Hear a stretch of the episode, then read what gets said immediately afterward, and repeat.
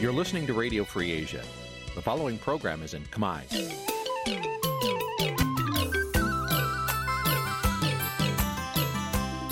Nǐ chi càm bi tiệp xáy vệt chiu a zì sáy. នេះជាកម្មវិធីផ្សាយរបស់ Vithu Azisaray ជាភាសាខ្មែរ វត្តឈូអាស៊ីសេរីសូមស្វាគមន៍លោកអ្នកនាងទាំងអស់ពីរដ្ឋធានី Washington នៃសហរដ្ឋអាមេរិក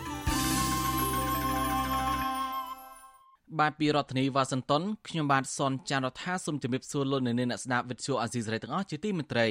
យើងខ្ញុំសូមជូនការផ្សាយសម្រាប់ព្រឹកថ្ងៃពុធ800ខែពុទ្ធបុត្រឆ្នាំឆ្លូវត្រីស័កពុរសករាជ2565ដែលត្រូវនៅថ្ងៃទី29ខែកញ្ញាគ្រិស្តសករាជ2021បាទជាបន្តទៅនេះសូមអញ្ជើញលោកអ្នកនាងស្ដាប់ព័ត៌មានប្រចាំថ្ងៃដែលមានមេត្តាដូចតទៅ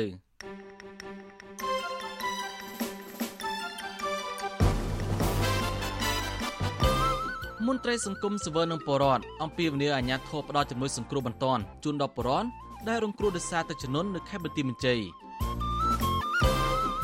ពលករខ្មែរបន្តជួបវិបត្តិប្រាក់ចំណូលនិងគ្មានការងារធ្វើទៀងទាត់នៅក្នុងប្រទេសថៃសហជីពក្រុងជួបនឹងកម្មករជជែករឿងប្រាក់ខែគោលថ្មី ដែលសហជីពថាមិនទាន់គ្រប់គ្រាន់ដើម្បីអាចរស់នៅត្រឹមត្រូវបានទេ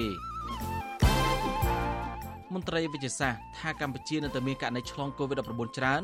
ដោយសារតែវ៉ាក់សាំងមានប្រសិទ្ធភាពទាបខ្លាំងនិងធ្វេសប្រហែសរួមនឹងព័ត៌មានផ្សេងៗមួយចំនួនទៀត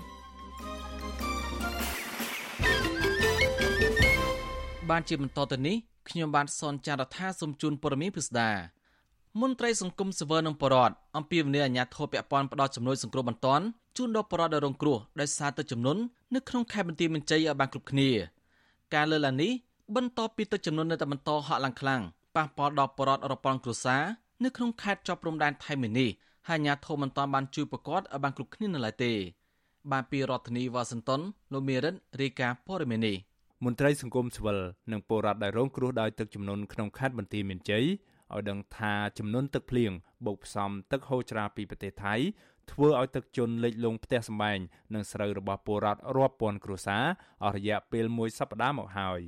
ពួកគាត់អះអាងថាអាញាធរបានផ្ដល់ស្បៀងអាហារនិងជួយសង្គ្រោះពលរដ្ឋខ្លះដែរក៏ប៉ុន្តែមានពលរដ្ឋមួយចំនួនរស់នៅសង្កាត់ប៉ោយប៉ែតត្អូញត្អែថាពួកគាត់ពុំទទួលបានជំនួយមនុស្សធម៌ពីអាញាធរនៅឡើយទេពលរដ្ឋរងគ្រោះដោយទឹកជំនន់រស់នៅសង្កាត់ប៉ោយប៉ែតលោកបឿនរតឲ្យដឹងនៅថ្ងៃទី28ខែកញ្ញាថាពលរដ្ឋរាប់រយគ្រួសារនៅសង្កាត់ប៉ោយប៉ែត កំពុងខ្វះខាតស្បៀងអាហារហើយនៅមិនទាន់ឃើញមន្ត្រីរដ្ឋាភិបាលផ្ដល់ជំនួយជូនដល់ពួកគាត់នៅឡើយទេ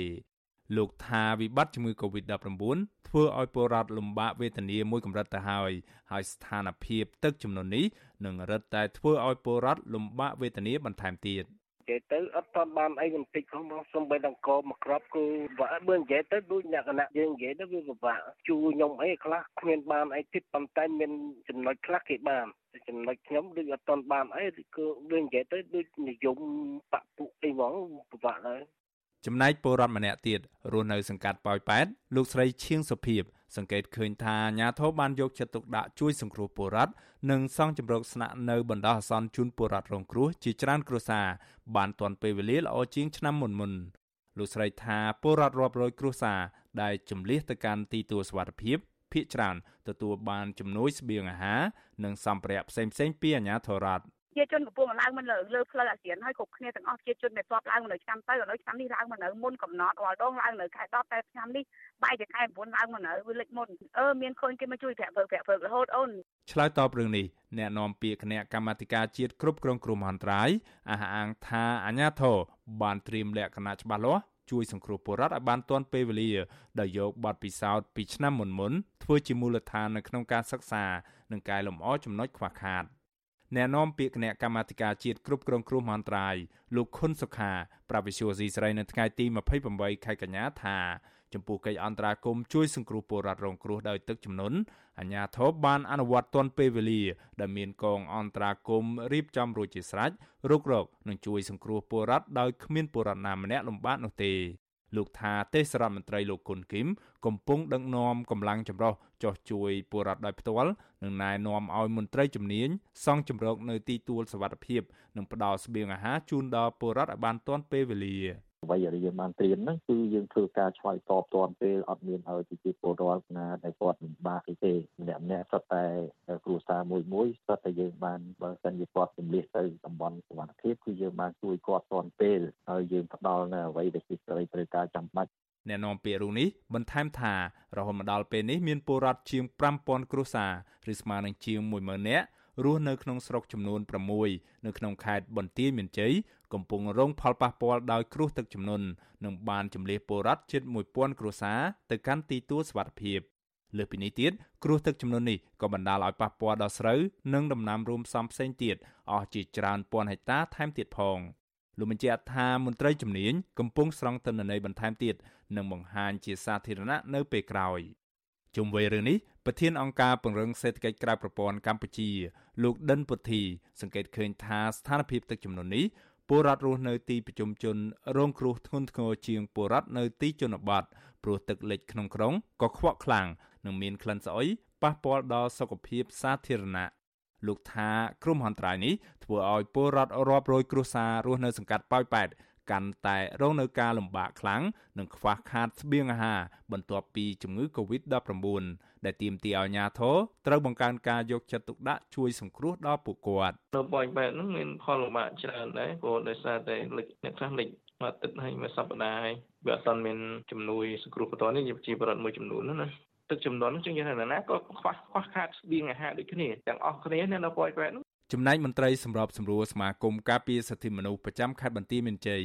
លោកសុំច័ន្ទគីវិញលោកសង្កេតឃើញថាអាញាធរត្រៀមលក្ខណៈជួយសង្គ្រោះពលរដ្ឋបានល្អប្រសើរជាងឆ្នាំមុនមុនក៏ប៉ុន្តែលោកថាការអភិវឌ្ឍផ្លូវថ្នល់ការស្ថាបនាប្រព័ន្ធលូទឹកនិងប្រឡាយទឹករបស់អាញាធរនៅខ្វះចន្លោះជាច្រើនធ្វើឲ្យស្ទះទឹកជាច្រើនថ្ងៃនិងលិចលង់ផ្ទះសម្បែងរបស់ពលរដ្ឋជាច្រើនខ្នង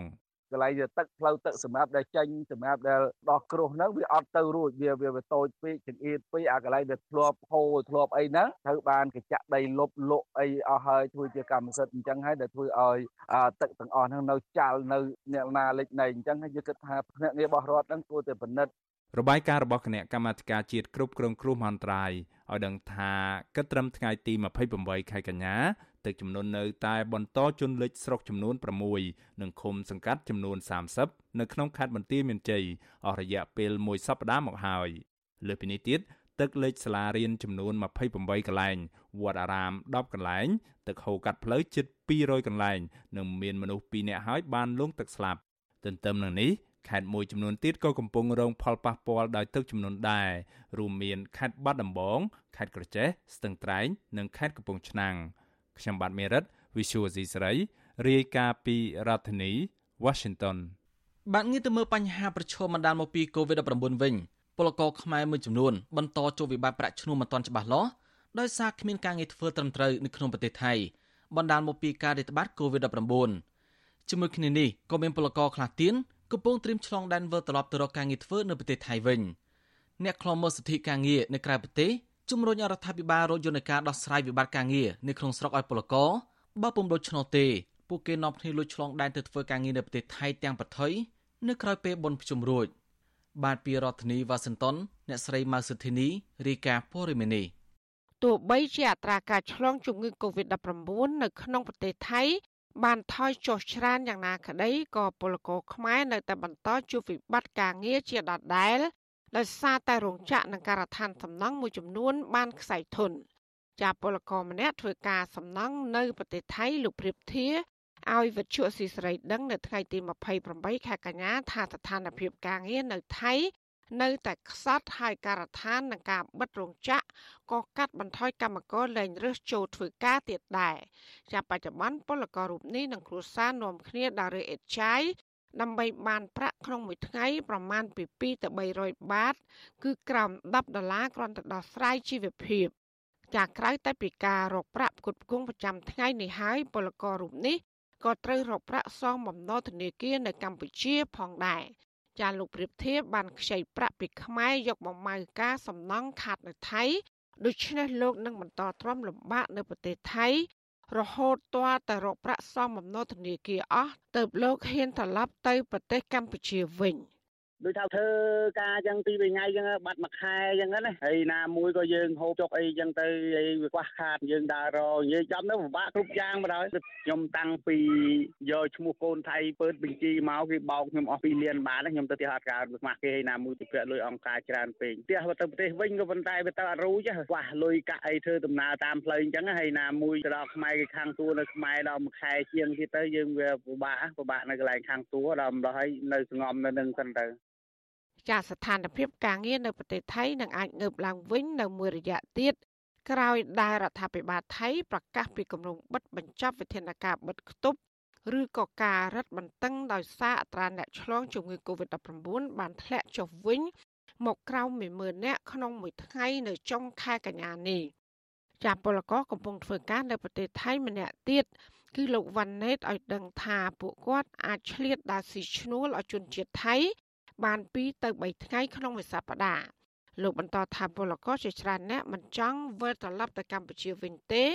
ដោយសារបារម្ភគ្មានលទ្ធភាពរកលុយសងបំណុលធនាគារនៅពេលដែលទៅដល់ស្រុកកំណើតវិញចាប់ពលកររូបនេះបន្តទៀតថាបងប្អូននិងមិត្តភ័ក្តិរបស់លោកដែលបានត្រឡប់ទៅកម្ពុជាវិញអស់ជាច្រើនខែមកនេះគ្មានការងារធ្វើនោះទេហើយពួកគេនឹងទៅរកការងារធ្វើនៅប្រទេសថៃវិញក្រោយពេលបន់ភ្ជុំបិណ្ឌ ព្រោះរួចភ្ជុំគេថាគេឡើងមកច្រើនខ្ញុំលើកចង់ឡើងមកច្រើនព្រោះមិនដឹងការងារគេវាមិនទេបងយើងខាងនោះមិនដឹងដឹងបើកផ្លូវឲ្យចូលអត់មិនដឹងយ៉ាងណាខ្ញុំមិនដឹងដែរបងតែគេចង់ឡើងមកច្រើនយើងកម្មករយើងនៅខ្មែរយើងអត់ការងារធ្វើច្រើនគ្នាបច្ចុប្បន្នពលករខ្មែរធ្វើការនៅប្រទេសថៃមិនសូវត្រឡប់ទៅកម្ពុជាវិញទេផ្ទុយទៅវិញពលករដែលបានមកដល់កម្ពុជាវិញទេ ដែលកំពុងនាំគ្នាបថុយប្រឋានលួចឆ្លងដែនទៅរកការងារធ្វើនៅក្នុងប្រទេសថៃវិញ។ អាញាធរថៃមិនទាន់អនុញ្ញាតឲ្យពលករបរទេសវិលចូលប្រទេសថៃរកការងារធ្វើនៅឡើយទេហើយការលួចឆ្លងដែនខុសច្បាប់នេះត្រូវប្រឈមគ្រោះថ្នាក់ដូចជាត្រូវដាវវៀងក្នុងព្រៃការហែកទឹកឆ្លងអូរព្រំដែនឬក៏ជិះកូនទូកអ្នកនេសាទតាមផ្លូវសមុទ្រហើយនឹងត្រូវរត់លូននិងពួនក្នុងព្រៃដើម្បីគេចពីប៉ូលីសចាប់បញ្ជូនត្រឡប់ទៅវិញ។ ការឆ្លងដែនខុសច្បាប់នេះត្រូវចំណាយលុយជួលអ្នកនាំផ្លូវឬហៅថាមេខ្យល់ក្នុងតម្លៃថ្លៃហើយប្រឈមនឹងទាហានឆុតខ្មៅថៃដេញបាញ់ជាដើមពាក់ព័ន្ធនឹងស្ថានភាពពលករនេះវិទ្យុអសីស្រីមិនអាចសុំការបញ្ជាក់ពីអគ្គរដ្ឋទូតកម្ពុជាប្រចាំប្រទេសថៃលោកអ៊ុកសុភ័ណ្ឌបាននៅឡើយទេនៅថ្ងៃទី28ខែកញ្ញាតែយ៉ាងណាបណ្ដាញសង្គម Facebook របស់ស្ថានទូតខ្មែរប្រចាំប្រទេសថៃ បានចុះផ្សាយអត្ថបទខ្លីកាលពីថ្ងៃទី27ខែកញ្ញាថាមន្ត្រីស្ថានទូត បានពិភាក្សាទ្វេភាគីរវាងកម្ពុជានិងថៃ ពីការលើកកម្ពស់សុខុមាលភាពពលករខ្មែរដែលកំពុងរស់នៅ និងធ្វើការក្នុងប្រទេសថៃទោះជាយ៉ាងណាសង្គមស៊ីវិលខ្លាំមើលសិទ្ធិពលករនៅក្នុងប្រទេសថៃបារម្ភថាប៉ះសិនបារដ្ឋាភិបាលគ្មានដំណោះស្រាយការងារក្នុងស្រុកឆាប់រហ័សទេ បរដ្ឋនឹងបថុយលបឆ្លងដែនចូលថៃវិញក្រោយបន់ភ្ជុំបិណ្ឌជាមន្ត្រីផ្នែកអន្តរប្រវេសប្រចាំប្រទេសថៃនៃមជ្ឈមណ្ឌលសម្ព័ន្ធការងារនិងសិទ្ធិមនុស្សហៅកាត់ថាអង្គការសង្ត្រាល់លោកលឹងសុផុនឲ្យដឹងថារាល់ឆ្នាំនៅក្រៅពេលបន់ទៀនម្ដងម្ដងបរដ្ឋខ្មែរតែងតែនាំគ្នាលួចឆ្លងដែនមករកការងារធ្វើនៅប្រទេសថៃលោកជឿជាក់ថាឆ្នាំនេះលំហូរលួចឆ្លងដែននៅក្រៅបន់ភ្ជុំបិណ្ឌអាចនឹងមានច្រើន លោកថាការឆ្លងបែបនេះប្រឈមនឹងគ្រោះថ្នាក់ច្រើនជាងមុនមុនចាអ្នកខ្លំមើលរូបនេះអំពាវនាវឲ្យរដ្ឋាភិបាលប្រញាប់ដោះស្រាយបញ្ហាការងារក្នុងស្រុកឲ្យប្រជាពលរដ្ឋហើយស្នើសុំឲ្យស្ថានទូតខ្មែរប្រចាំនៅប្រទេសថៃបន្តការចែកស្បៀងអាហារឲ្យពលករបន្ថែមទៀត ពលករដែលគាត់ខ្វះខាតឬក៏គាត់ទៅខ្មែរហើយគាត់ត្រូវការត្រឡប់មកថៃវិញក៏អត់ទាន់ឃើញមានវិធានការចំពោះរដ្ឋាភិបាលខ្មែរចំពោះរដ្ឋាភិបាលថៃហ្នឹងជួយដោះស្រាយដើម្បីធ្វើយ៉ាងណាឲ្យពួកគាត់ហ្នឹងមកជាលក្ខណៈស្របច្បាប់ហ្នឹងក៏អត់ទាន់ឃើញមានដែរអញ្ចឹងហើយតែឃើញបងប្អូនមកអញ្ចឹងឃើញតែចាប់គ្នាត្រឡប់ទៅវិញមកឲ្យចាប់គ្នាត្រឡប់ទៅវិញអញ្ចឹងគិតចាប់តាំងពីខែមីនារហូតមកដល់ខែកក្កដាពលករខ្មែរជាង1សែននាក់បានវិលត្រឡប់ពីថៃមកកម្ពុជាវិញ។ ក្រុមអ្នកខ្លំមើលយល់ថាក្នុងស្ថានភាពនេះរដ្ឋាភិបាលគួរជួយផ្គត់ផ្គង់ផ្នែកជីវភាព និងត្រូវបង្កើនមុខរបរក្នុងវិស័យកសិកម្មក្នុងស្រុកឲ្យពលករបានធ្វើទៅអាចទប់ស្កាត់នៅលំហូរបរដ្ឋខ្មែរលួចឆ្លងដែនត្រការងារធ្វើខុសច្បាប់នៅប្រទេសថៃចា៎នាងខ្ញុំម៉ៃសុធានីវັດឈូអាស៊ីស្រីប្រធានាធិបតី Washington បានលោកនាងជាទីមន្ត្រីសមាជិកខេត្តបន្ទាយមានជ័យខកខ្លួនមនុស្ស37នាក់ ជាពលករខ្មែរ26នាក់និងថៃ11នាក់ដែលបំរុងលួចឆ្លងដែនខុសច្បាប់ពីប្រទេសថៃចូលមកកម្ពុជា ពលករទាំង37នាក់នេះត្រូវបានកម្លាំងការពីព្រំដែនខកខ្លួនការពីរំលងអត្រាឈានចូលថ្ងៃទី28ខែកញ្ញាដែលស្ថិតនៅក្នុងភូមិព្រៃច័ន្ទឃុំអូបេចនស្រុកអូជ្រៅកងកម្លាំងការពីព្រំដែនបានបដូរវេនគ្នាចលបាតតាមបន្តព្រំដែនកម្ពុជាថៃ24ម៉ោងក្នុងមួយថ្ងៃដើម្បីទប់ស្កាត់ពលករលួចឆ្លងដែនខុសច្បាប់ និងការឆ្លងរាលដាលនៃ COVID-19 មន្ត្រីអង្គការសង្គមស៊ីវិលរកឃើញថាចាប់តាំងពីវិបត្តិ COVID-19 ពលករខ្មែរបានបន្តលួចឆ្លងដែនទៅមកប្រទេសថៃដោយសារតែគ្មានការងារធ្វើនិងភ័យខ្លាចឆ្លង COVID-19 ពួកគេជំរុញរដ្ឋាភិបាលរកការងារក្នុងស្រុកឲ្យពលករដែលទៅត្រឡប់មកពីប្រទេសថៃធ្វើដើម្បីទប់ស្កាត់កុំឲ្យពួកគេឆ្លងដែនទៅប្រទេសថៃវិញទាំងប្រថុយអំឡុងពេលនេះបានលោកនាងជាទីមន្ត្រី មន្ត្រីវិទ្យាសាស្ត្រនិងមន្ត្រីអង្គការសង្គមស៊ីវិលថាកម្ពុជានៅតែមានករណីឆ្លង COVID-19 ច្រើនដោយសារវ៉ាក់សាំងមកការជំងឺនេះនៅមានប្រសិទ្ធភាពទាបខ្លាំងនិងម្យ៉ាងទៀតដោយសារតែបរិបទទូទៅនៅតែធ្វេសប្រហែសនឹងជំងឺនេះតើអ្នកវិទ្យាសាស្ត្រនិងសង្គមស៊ីវិលមានយោបល់យ៉ាងណាខ្លះដើម្បីដោះស្រាយបញ្ហានេះបានលោកនាងនៅបានស្ដាប់សេចក្តីរាយការណ៍នេះនៅពេលបន្តិចទៀតនេះបាទសូមអរគុណ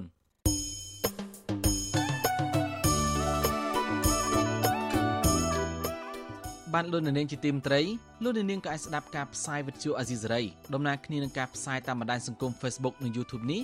តាមរយៈរលកធាតុអាកាសខ្លីឬ Shortwave ពេលព្រឹកចាប់ពីម៉ោង5កន្លះដល់ម៉ោង6កន្លះតាមរយៈរលកធាតុអាកាសខ្លី9940 kHz ឬស្មើនឹងកម្ពស់ 30m ពេលយប់ចាប់ពីម៉ោង7កន្លះដល់ម៉ោង8កន្លះតាមរយៈរលកធាតុអាកាសខ្លី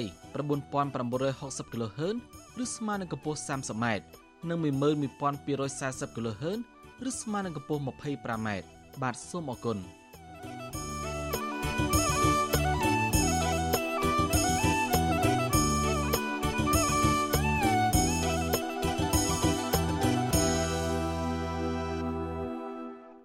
បាទចំណែកស្ថានភាពសេដ្ឋកិច្ចឯនេះវិញធនាគារពិភពលោកថាសេដ្ឋកិច្ចកម្ពុជាកើនឡើងតិចជាងការរំពឹងទុកធនាគារពិភពលោកបានទម្លាក់ការព្យាករណ៍កំណើនសេដ្ឋកិច្ចកម្ពុជា នៅឆ្នាំ2021នេះពីក្នុងរង្វង់4%មកនៅត្រឹមជាង2%វិញការកែសម្រួលទម្លាក់ការព្យាករណ៍កំណើនសេដ្ឋកិច្ចកម្ពុជានេះដោយសារតែកម្ពុជាកំពុងប្រឈមនឹងការកើនឡើងវិញនៅការឆ្លង COVID-19 ជាពិសេសការរាលដាលនៃវីរុសបំលែងថ្មីប្រភេទ Delta ធនាគារពិភពលោកពន្យល់ថាហេតុការណ៍នេះបានធ្វើឲ្យការស្ដារសេដ្ឋកិច្ចកម្ពុជា មានភាពយឺតយ៉ាវជាពិសេសវិស័យសេវាកម្មសំណង់និងអចលនទ្រព្យរីឯវិស័យទេសចរនិងការធ្វើដំណើរ ដែលធ្លាប់ផ្ដល់ការងារធ្វើប្រមាណ2លានកន្លែងអំឡុងពេលមុនការរាតត្បាត COVID-19 ក៏ត្រូវបានបាត់បង់ស្ទើរតែទាំងស្រុងដែរទន្ទឹមនឹងនេះការបាត់បង់ការងារធ្វើមានការកើនឡើងដោយសារតែកំណើននៃពលករចំណាក់ស្រុកដែលបានវិលត្រឡប់មកកម្ពុជាវិញការកែសម្រួលទម្លាក់ការព្យាករណ៍កំណើនសេដ្ឋកិច្ចកម្ពុជានេះធ្វើឡើងក្នុងរបាយការណ៍បច្ចុប្បន្នភាពសេដ្ឋកិច្ចរបស់អាស៊ីបូព៌ានិងប៉ាស៊ីហ្វិកខែតុលាឆ្នាំ2021ដាក់ចំណងជើងថា COVID យងវែងដែលទើបចេញផ្សាយកាលពីថ្ងៃទី27ខែកញ្ញា ធនាគារពិភពលោកព្រមានថាបើទោះបីជាមានការជឿនលឿននៃការចាប់វ៉ាក់សាំងយ៉ាងណាក៏ដោយក៏ហានិភ័យផ្ទុះនៃការឆ្លងនៃការរាំងស្ទះនៅតែមានកម្រិតខ្ពស់ដដែលដោយសារករណីឆ្លងនិងស្លាប់បន្តមានចំនួនច្រើនបានលន់នាងជាទីមត្រីអ្នកធ្វើការងារតាក់ទងប្រព័ន្ធផ្សព្វផ្សាយជំរុញទៅក្រសួងព័ត៌មានឲ្យពន្លឿនធ្វើច្បាប់ស្តីពីសិទ្ធិទទួលបានព័ត៌មានសំណើនេះធ្វើឡើងក្នុងពេលប្រទេសកម្ពុជានិងបណ្ដាប្រទេសនានា ប្រារព្ធទិវាអន្តរជាតិសម្រាប់សិទ្ធិទទួលបានព័ត៌មានជាសកល នៅថ្ងៃទី28ខែកញ្ញាឆ្លើយតបទៅនឹងការលើកឡើងនេះអ្នកនាំពាក្យក្រសួងព័ត៌មានអះអាងថាក្រុមការងារបច្ចេកទេសនៃក្រសួងយុទ្ធភ័ពនិងក្រសួងព័ត៌មានបានប្រជុំចប់សពគ្រប់ហើយជុំវិញដំណើរការនៃការធ្វើច្បាប់ស្តីពីសិទ្ធិទទួលបានព័ត៌មាន បាទពីរដ្ឋធានីវ៉ាស៊ីនតោនអ្នកស្រីខែសំណងរាយការណ៍ព័ត៌មាននេះ អង្គការ UNESCO សហការជាមួយក្រសួងព័ត៌មានស្ថាប័នពាក់ព័ន្ធនិងអង្គការសង្គមស៊ីវិលប្រារព្ធទិវាអន្តរជាតិសម្រាប់សិទ្ធិទទួលព័ត៌មានជាសកលក្រោមប្រធានបទសិទ្ធិដឹងការប្រារព្ធខណៈវិបត្តិជំងឺ Covid-19 បន្តរាតត្បាតអ្នកពាក់ព័ន្ធត្រឹមចេញសេចក្តីថ្លែងការណ៍តាមបណ្ដាញសង្គមនិងជជែកតាមប្រព័ន្ធផ្សព្វផ្សាយការប្រារព្ធទិវានេះ ក្រោមប្រធានបទសិទ្ធិដឹង គឺជាការកសាងឲ្យប្រសើរឡើងវិញជាមួយនឹងសិទ្ធិទទួលបានព័ត៌មាន និងគូបញ្ជាក់ពីសារៈសំខាន់នៃការពង្រីកច្បាប់សិទ្ធិព័ត៌មាន និងការអនុវត្តច្បាប់នេះនៅទូទាំងពិភពលោកដើម្បីកសាងស្ថាប័នដ៏រឹងមាំសម្រាប់អភិវឌ្ឍក៏ដូចជាការពង្រឹងកិច្ចសហប្រតិបត្តិការក្នុងការអនុវត្តសិទ្ធិទទួលបានព័ត៌មានអង្គការ UNESCO ដែលទទួលបន្ទុកលើកកម្ពស់ការផ្សព្វផ្សាយពីលំហូរនៃគំនិតសេរីបានបង្កើតយុទ្ធនាការតាមប្រព័ន្ធអនឡាញដើម្បីបង្ហាញពីសារៈសំខាន់នៃសិទ្ធិក្នុងការទទួលបានព័ត៌មានសម្រាប់មនុស្សគ្រប់គ្នា ដើម្បីធានាថាគ្មាននរណាម្នាក់មិនទទួលបានសិទ្ធិនេះ។ អង្គការ UNESCO បានពំនាំនៅសម្លេងចម្រុះរបស់ពលរដ្ឋដើម្បីបង្ហាញបញ្ហាប្រឈមក្នុងការស្វែងរក និងការទទួលបានព័ត៌មានចាំបាច់ដើម្បីឲ្យមានការសម្រេចចិត្តត្រឹមត្រូវនិងធ្វើឲ្យការរស់នៅរបស់ពលរដ្ឋកាន់តែប្រសើរឡើងរីឯសម្ព័ន្ធអ្នកសារព័ត៌មានកម្ពុជាកម្ពុជាបានលើកឡើងដែរថាមនុស្សគ្រប់រូបមានសិទ្ធិនិងសេរីភាពក្នុងការទទួលបានព័ត៌មានប្រពន្ធដដែលបន្តថាការទទួលបានព័ត៌មាន មានសារៈសំខាន់សម្រាប់សង្គមប្រជាធិបតេយ្យ កម្ពុជាលើកឡើងទៀតថាការទទួលបានព័ត៌មានផ្ដល់សិទ្ធិអំណាចដល់ប្រជាពលរដ្ឋក្នុងការទទួលបានដំណឹងពីស្ថាប័នសាធារណៈនិងអាចឲ្យតំណាងរបស់ពួកគេមានវត្តមានក្នុងការជជែកដេញដោលជាសាធារណៈផងដែរ។ សិទ្ធិទទួលបានព័ត៌មានត្រូវបានទទួលស្គាល់និងប្រកាសកាលពីថ្ងៃទី15ខែតុលាឆ្នាំ2019នៅឯមហាសន្និបាតអង្គការសហប្រជាជាតិលើកទី74ដោយកំណត់យកថ្ងៃទី28ខែកញ្ញា ជាទិវាអន្តរជាតិសម្រាប់សិទ្ធិទទួលព័ត៌មានជាសកល នាយកប្រតិបត្តិនៃសម្ព័ន្ធអ្នកសារព័ត៌មានកម្ពុជាកម្ពុជាលោកណូវីឲ្យវិទ្យុអាស៊ីសេរីដឹងនៅថ្ងៃទី28កញ្ញាថាអង្គការសង្គមស៊ីវិលនិងអ្នកពាក់ព័ន្ធបានអបអរសិទ្ធិទទួលព័ត៌មាន និងធ្វើសន្និសីទថ្នាក់ជាតិរួចហើយកាលពីប្រមាណថ្ងៃមុនលោកបន្តថាចំពោះថ្ងៃនៃការប្រារព្ធពិធីនេះ អង្គការ UNESCO ក្រសួងព័ត៌មានក្រសួងប្រៃសណីដែលបាត់តំងប្រព័ន្ធផ្សព្វផ្សាយនិងអង្គការសង្គមស៊ីវិលបានធ្វើយុទ្ធនាការតាមប្រព័ន្ធអនឡាញដើម្បីបង្ហាញពីសារៈសំខាន់នៃសិទ្ធិក្នុងការទទួលបានព័ត៌មាន អ្នកធ្វើការផ្នែកប្រព័ន្ធផ្សព្វផ្សាយរូបនេះក៏ជំរុញទៅរដ្ឋាភិបាលឬស្ថាប័នពាក់ព័ន្ធពន្លឿនការអនុវត្តច្បាប់ស្តីពីសិទ្ធិទទួលបានព័ត៌មានឲ្យជំរុញការអនុម័តច្បាប់ស្តីពីសិទ្ធិទទួលព័ត៌មានឲ្យបានឆាប់រហ័សធ្វើម៉េចក៏ដោយជំរុញឲ្យមានការចូលរួមរបស់ប្រជាពលរដ្ឋឲ្យបានកាន់តែច្រើនឡើងនៅក្នុងការកាត់បន្ថយអំពើពុករលួយការជំរុញឲ្យមានតម្លាភាពនៅក្នុងសង្គមរបស់យើងហើយជាពិសេសទៅទៀតហ្នឹងគឺដើម្បីអាចនិយាយបានថាអនុញ្ញាតឲ្យមន្ត្រីជាពិសេសតាមស្ថាប័នរដ្ឋនានាហ្នឹងគឺអាចនឹងចូលរួមបានកាន់តែច្រើនឡើងនៅក្នុងការផ្ដល់ព័ត៌មានជូនទៅដល់ប្រជាពលរដ្ឋស្រដៀងគ្នានេះដែរអ្នកសារព័ត៌មានឯករាជ្យលោកម៉ៃតិតថារានិយាយថាអ្នកសារព័ត៌មានជួបការលំបាកក្នុងការប្រមូលយកព័ត៌មានមកផ្សព្វផ្សាយនៅពេលដែលមិនទាន់មានច្បាប់ស្តីពីសិទ្ធិទទួលបានព័ត៌មាន ពេលសប្តាហ៍នេះយើងឃើញថាមានការលំបាកជាខ្លាំងដោយសារតែនៅពេលដែលអ្នកសារព័ត៌មានគាត់ពេញភារកិច្ចរបស់គាត់ទៅគាត់ពិបាកទទួលបានព័ត៌មានពីខាងមន្ត្រីមួយចំនួនដោយសារគាត់ បាននិយាយថាជាការងារមួយចំនួននោះវាតកតងទៅនឹងសន្តិសុខសង្គមអញ្ចឹងទៅគាត់មិនអាចផ្ដល់ព័ត៌មានឲ្យបានខ្ញុំនៅតែទូចឲ្យរដ្ឋាភិបាលមេតាធ្វើម៉េចជំរុញឲ្យច្បាប់សិទ្ធិទទួលព័ត៌មាននឹងឲ្យបានចេញឡើងឆាប់អ្នកនាំពាក្យក្រសួងព័ត៌មានលោកមាសសុភ័ណ្ឌនិយាយថារដ្ឋាភិបាលបានយកចិត្តទុកដាក់ពន្លឿនធ្វើសក្តីព្រៀងច្បាប់ស្តីពីសិទ្ធិទទួលបានព័ត៌មានលោកថាកាលពីព្រឹកថ្ងៃទី28ខែកញ្ញាក្រុមការងារបច្ចេកទេសនៃក្រសួងយុតិធម៌និងក្រសួងព័ត៌មានបានប្រជុំចប់សពគ្រប់រួចរាល់ហើយកំពុងរៀបចំរបាយការណ៍ដាក់ជូនទៅរដ្ឋមន្ត្រីក្រសួងទាំងពីរដើម្បីធ្វើការពិនិត្យមុននឹងបញ្ជូនទៅទីស្តីការគណៈរដ្ឋមន្ត្រីយើងនឹងបន្តសិទ្ធិកម្មបន្ថែមទៀតក្នុងការជំរុញរៀបចំឯកសារពាក់ព័ន្ធផ្សេងៗទៅក្នុងសេចក្តីព្រាងច្បាប់នេះដើម្បីដាក់សារសុំទៅទីស្តីការគណៈរដ្ឋមន្ត្រីក៏ដូចជាស្ថាប័នដែលបញ្ញត្តិតាមតែវិធីច្បាប់នោះឲ្យបានកាន់តែឆាប់តាមដែលអាចធ្វើទៅបាន សេចក្តីព្រាងច្បាប់ស្តីពីសិទ្ធិទទួលបានព័ត៌មានបានតាក់តែងនិងពិភាក្សាជាច្រើនលើកមកហើយក្នុងរយៈពេលជាងមួយទសវត្សរ៍ប៉ុន្តែមិនទាន់ចេញជាច្បាប់បាននៅឡើយទេនាយិកាអង្គការ UNESCO អ្នកស្រី Audrey Azoulay លើកឡើងនៅក្នុងទិវាអន្តរជាតិសម្រាប់សិទ្ធិទទួលបានព័ត៌មានជាសកលថា ការទទួលបានព័ត៌មាន ដែលអាចជឿទុកចិត្តអាចជួយសង្គ្រោះជីវិតប៉ុន្តែអ្នកស្រីថាព័ត៌មានដែលមិនពិតនិងចចាមអារាមអាចបង្កគ្រោះថ្នាក់ដល់សង្គមជាតិ ចា៎នាងខ្ញុំខែសុណងវັດឈូអាស៊ីសេរីរាយការណ៍ពីរដ្ឋធានី Washington បាទងារទៅលទ្ធផលទៀមទាដំឡើងប្រាក់ខែកម្មករវិញក្រមសហជីពឯករាជ្យសោកស្ដាយចំពោះការកំណត់ប្រាក់ខែគោលសម្រាប់កម្មករឆ្នាំ2022ចំនួន194ដុល្លារក្នុងមួយខែពួកគេថាប្រាក់ឈ្នួលនេះតិចតួចមិនអាចធានានូវជីវភាពរស់នៅសមរម្យស្របតាមច្បាប់ហើយមិនឆ្លុះបញ្ចាំងពីស្ថានភាពជាក់ស្ដែងនៃកត្តាសេដ្ឋកិច្ចបានពីរដ្ឋធានីវ៉ាស៊ីនតោនលោកទីនសាការីយ៉ារីកាព័រមីនី ក្រុមប្រឹក្សាជាតិប្រាក់ឈ្នួលអបបរមានៅថ្ងៃទី28កញ្ញាបានសម្រេចដំឡើងប្រាក់ខែគោលកម្មករចំនួន2ដុល្លារក្រុមប្រឹក្សាជាតិនេះបានរៀបចំបោះឆ្នោតកំណត់ចំនួន192ដុល្លារនិងរដ្ឋាភិបាលបន្ថែមចំនួន2ដុល្លារឬស្មើនឹងប្រាក់ឈ្នួលគោលចំនួន194ដុល្លារក្នុងមួយខែសម្រាប់កម្មករផ្នែកវិជ្ជាភ័ណ្ឌកាត់ដេរផលិតស្បែកជើង ផលិតផលធ្វើដំណើរនិងកាបូបសម្រាប់ឆ្នាំ2022បច្ចុប្បន្នប្រាក់ខែគោលគឺ192ដុល្លារ ប្រធានសម្ព័ន្ធសហជីពកម្ពុជាអ្នកស្រីយ៉ាងសុភ័ណ្ឌប្រាប់អាស៊ីសេរីក្រោយការបោះឆ្នោតថាអ្នកស្រីមិនគាំទ្រតួលេខប្រាក់ឈ្នួលគោលចំនួន192ដុល្លារនោះទេព្រោះតួលេខដែលបង្ហាញដោយភាគីខាងក្រសួងការងារគឺរក្សាតួលេខឆ្នាំចាស់និងបន្ថែមចំនួន2ដុល្លារពីរដ្ឋាភិបាលមិនឆ្លើយតបទៅនឹងបញ្ហាជីវភាពនិងតម្រូវការជាក់ស្ដែងរបស់កម្មករឡើយអ្នកស្រីយ៉ាងសុភ័ណ្ឌថាភាគីនីមួយៗសុទ្ធតែទទួលស្គាល់ថាកម្មករជួបបញ្ហាជីវភាពលំបាក តម្លៃទំនិញលើទីផ្សារឡើងថ្លៃនិងបាត់បង់ប្រយោជន៍ផ្សេងផ្សេងស្របពេលការនាំចេញផលិតផលវិស័យកើនឡើងជាបន្តបន្ទាប់ប៉ុន្តែអ្នកស្រីសោកស្ដាយដែលភាគីរដ្ឋាភិបាល និងនយោជកមានគាំទ្រតួលេខដំឡើងប្រាក់ខែគោលចំនួន204ដុល្លារដែលស្នើដោយខាងសហជីពអ្នកស្រីបន្ថែមថាសហជីពមួយចំនួនមិនប្រើប្រាស់ទូនាទីរបស់ខ្លួន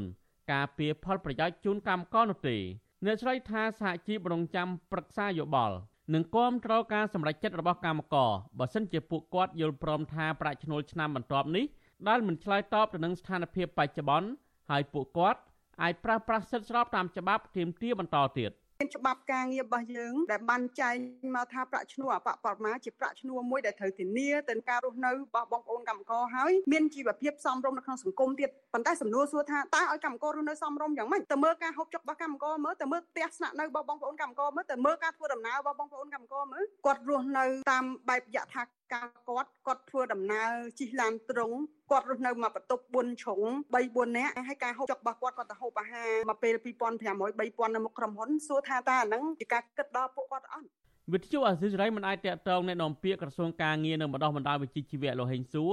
និងអគ្គលេខាធិការសមាគមរោងចក្រកាត់ដេរនៅកម្ពុជាលោកហេនលូ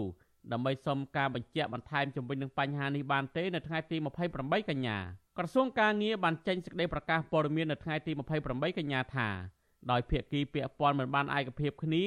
នៅតួលេខប្រាក់ឈ្នួលគោលណាមួយច្បាស់លាស់ដូច្នេះក្រមរក្សាជាតិប្រាក់ឈ្នួលអបបរមាបានអនុវត្តនីតិវិធីបោះឆ្នោតសម្ងាត់ដែលជាយន្តការត្រីភាគីនិងមានសមាជិកតំណាងសហជីពនយោជកនិងរដ្ឋាភិបាលមានចំនួន17រូបស្មើគ្នា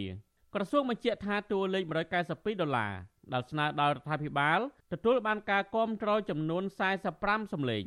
រីឯតួលេខ204ដុល្លារដែលស្នើដោយសហជីពទទួលបានការគាំទ្រចំនួន6សម្លេង